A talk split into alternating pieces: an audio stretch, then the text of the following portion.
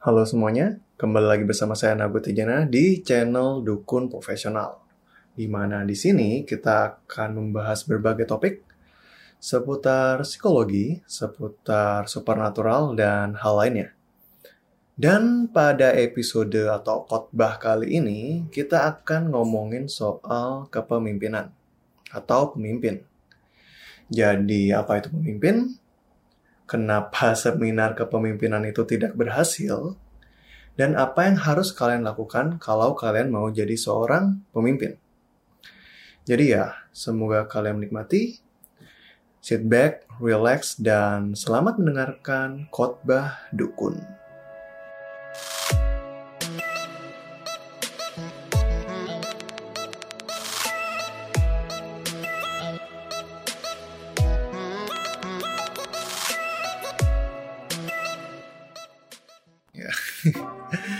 Pemimpin tuh apa ya? Itu sebuah peran yang sering dieluk-elukan oleh masyarakat. Jadi di mana pun kalian berada, baik dalam setting keluarga, pendidikan, masyarakat, rasanya kita sering diberikan ekspektasi untuk menjadi seorang pemimpin. Jadi diharapkan bisa menjadi seorang teladan yang mampu mengayomi bawahannya dan juga mampu membawa organisasi itu menuju sebuah perubahan. Nah, nggak heran nih, nggak heran dengan begitu banyaknya ekspektasi dan tuntutan, begitu banyak seminar kepemimpinan hadir di antara kita semua. Ratusan, ribuan, mau masuk kampus kek, mau dari lingkungan kerja, mau di LSM, di organisasi kepemerintahan, banyak banget seminar motivasi yang kita bisa temui. Dan aku nggak tahu kalau kalian gimana, cuma itu sudah sampai di tahap itu memuakkan gitu loh. kayak apa sih? Kayak apa ya? Kalian sih, aku nggak tahu. Kalau menurut kalian gimana? Tapi sampai dalam umur segini di hidup kita gitu loh. Dari umur mungkin awalnya 16 sampai sekarang misalkan saya 27 tahun, sudah berapa sih seminar yang kita ikuti gitu? Dan apakah itu bisa membuat kita nyaman dengan memanggil diri kita sebagai pemimpin? Sudah segitu banyak diikutin, kenapa sih kok kita masih rasanya belum nyaman bilang bahwa kita adalah pemimpin gitu? Paling ujung-ujungnya cuma bilang, ya saya pemimpin bagi diri saya sendiri gitu. Itu alasan klise banget dan aku juga yakin alumnus-alumnus seminar kepemimpinan lainnya juga ujung-ujungnya nggak banyak jadi pemimpin gitu loh. Nah jadi di episode kali ini aku mau mengulas tentang kepemimpinan berdasarkan apa sih kesalahan seminar kepemimpinan ini sehingga ujung-ujungnya gagal dan semoga itu bisa berlanjut ke pemahaman lebih lanjut tentang bagaimana pemimpin itu sebenarnya seharusnya seperti apa. Sekarang nih, coba kita bayangin kalau kita mau ikut seminar kepemimpinan tuh modelnya atau bentuknya kayak gimana. Jadi kamu datang pagi-pagi, biasa ya, pakai jas hitam, kemeja putih, lalu pakai dasi merah. Kamu datang ke sebuah meeting room hotel ya, yang budgetnya kurang lebih 250 ribu per orangan. Di sana pagi-pagi kamu coffee break dulu, oke. Okay. Lalu kamu ambil seminar kit, isinya notebook, pulpen, lalu kamu masuk ke ruangan, kamu di sana dijejali oleh seorang motivator ataupun pemimpin kita yang sambil menjelaskan tentang berbagai hal tentang kepemimpinan, dia juga sedikit promosi tentang produk yang dia jual. Gitu. Ya itu nggak salah sih ya, cuma nah di apa yang dia jejali kita itu biasanya berpusat ke skill-skill sebagai seorang pemimpin, lalu karakteristik pemimpin itu seperti apa, lalu ya berbagai kualitas pemimpin lainnya gitu. Pek sampai satu hari selesai, kamu merasa termotivasi, pump up, dan seminggu kemudian kamu kembali ke lubang kemalasanmu lagi dengan pola yang sama sampai bertemu di seminar kepemimpinan berikutnya. Nah, sebenarnya yang salah itu apa gitu ya? Maksudnya kenapa sebuah wadah seminar yang seharusnya menjadi cara awal langkah pertama kita menjadi seorang pemimpin, kenapa itu bisa gagal? Menurut saya, hal yang menjadi sumber kegagalan adalah mereka terlalu sibuk mengajarkan secondary skills sebagai seorang pemimpin. Kayak public speaking, time management, strategi development, conflict management, teamwork, ataupun apa pun itu, dan mereka lupa esensi awal sebagai seorang pemimpin itu apa.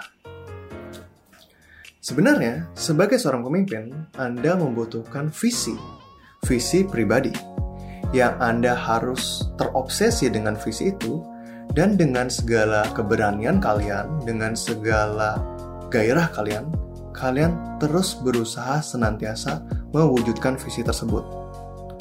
Baru setelah itu diikuti oleh berbagai secondary skills yang ada, sehingga akhirnya Anda bisa dibilang sebagai seorang pemimpin. Nah, masalahnya nih, masalahnya seminar ini terlalu sibuk ngajarin yang secondary.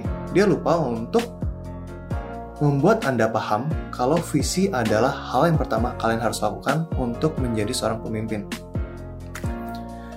Contoh nih, contoh analogi kalau misalkan kita ngomongin soal ini, saya suka menggunakan Lion King sebagai contoh utama analogi problem ini. Jadi kalau kalian nonton Lion King, itu di awal itu terlihat Simba sebagai sosok calon pemimpin yang tentunya mengidolakan ayahnya sebagai pemimpin yang lagi in charge gitu.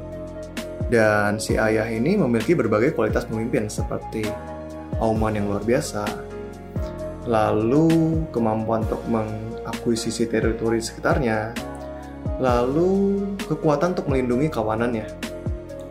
Nah, Simba nggak memiliki itu. Dan dalam rencana beliau, sorry, dalam rencana si Simba untuk menjadi seorang pemimpin, dia sibuk memenuhi secondary skill yang dimiliki oleh ayahnya agar dia jadi pemimpin. Jadi apa yang Simba lakukan? Dia melatih aumannya, dia mencoba berpetualang ke tempat-tempat yang tidak seharusnya diperbolehkan, dan akhirnya itu membawa masalah. Singkat cerita, dia akhirnya berhasil menemukan visinya. Visi yang dia kejar adalah untuk melindungi kawanannya, atau melindungi ekosistem circle of life yang dimiliki hutan yang dia tinggali. Dan ketika itu menjadi visi utama dia, dia mampu mengalahkan musuh utamanya Scar, dan akhirnya dia pun diterima sebagai seorang pemimpin di kawanannya. Dan pada scene terakhir, dia terlihat menaiki batu. Berdiri di puncak dan dia mengaum dengan luar biasa. Berbeda dengan auman cengeng yang dimiliki oleh dia saat waktu kecil. Nah, pertanyaannya adalah, jika pada scene terakhir pun si Simba mengaum dengan cengeng, apakah kawanannya akan kehilangan respect dengan dia? Enggak. Kenapa? Karena yang esensial adalah memiliki visi untuk menjaga kawanan dan ekosistem dari tempat dia berada. Jadi bukan karena aumannya bagus dia menjadi seorang raja, tapi karena dia sudah mengejar visi sebagai seorang raja, maka aumannya pun terdengar bagus oleh kawanannya. Saya suka geli gitu ya melihat begitu banyak seminar public speaking tuh ya, itu biasanya tandemnya seminar uh, kepemimpinan. Itu di berbagai tingkatan gitu, pemerintahan, kampus, kerja dan lainnya begitu banyak gitu. Tapi kalian pernah nggak sih buka YouTube lihat bagaimana Elon Musk ngomong di depan umum? Itu sumpah itu busuk banget dia terlihat nervous dia terlihat gagah gugu dia terlihat banyak imbuhan em dan lainnya body language nggak confident tapi dia tuh Elon Musk gitu dia tuh founder atau CEO dari Tesla, SpaceX, PayPal, dan Boring Company dan yang lainnya gitu. Siapa sih yang meragukan kapasitas dia sebagai seorang pemimpin hanya karena public speakingnya gitu?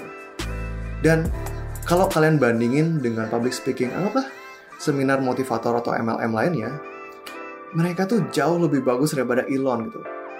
But they ain't Elon. Jadi, bodoh amat tentang gimana kalian mengasah secondary, secondary, secondary skills yang kalian miliki. Yang utama pertama kali adalah kalian harus paham visi kalian itu apa. Sebagai langkah pertama menjadi seorang pemimpin. Dan second dari skills lainnya will follow. Jadi itu akan ngikutin dan ngelengkapin belakangan. Tapi untuk pertama kali ya, visi yang pertama. Nah, jadi apa yang harus kalian lakukan? Satu, berhenti mendengarkan informasi mengenai kepemimpinan, baik dari seminar motivator, baik dari youtuber random ataupun podcaster random yang kalian temui saat ini, ataupun dari apa ya, dari hal-hal lainnya yang orang lain ngebacotin kamu soal kepemimpinan gitu. Apakah kalau kalian sudah memiliki visi kalian, kalian akan dengerin omelan ataupun bacotan itu? Enggak. Jadi stop absorbing too much information about leadership and start grow it within yourself.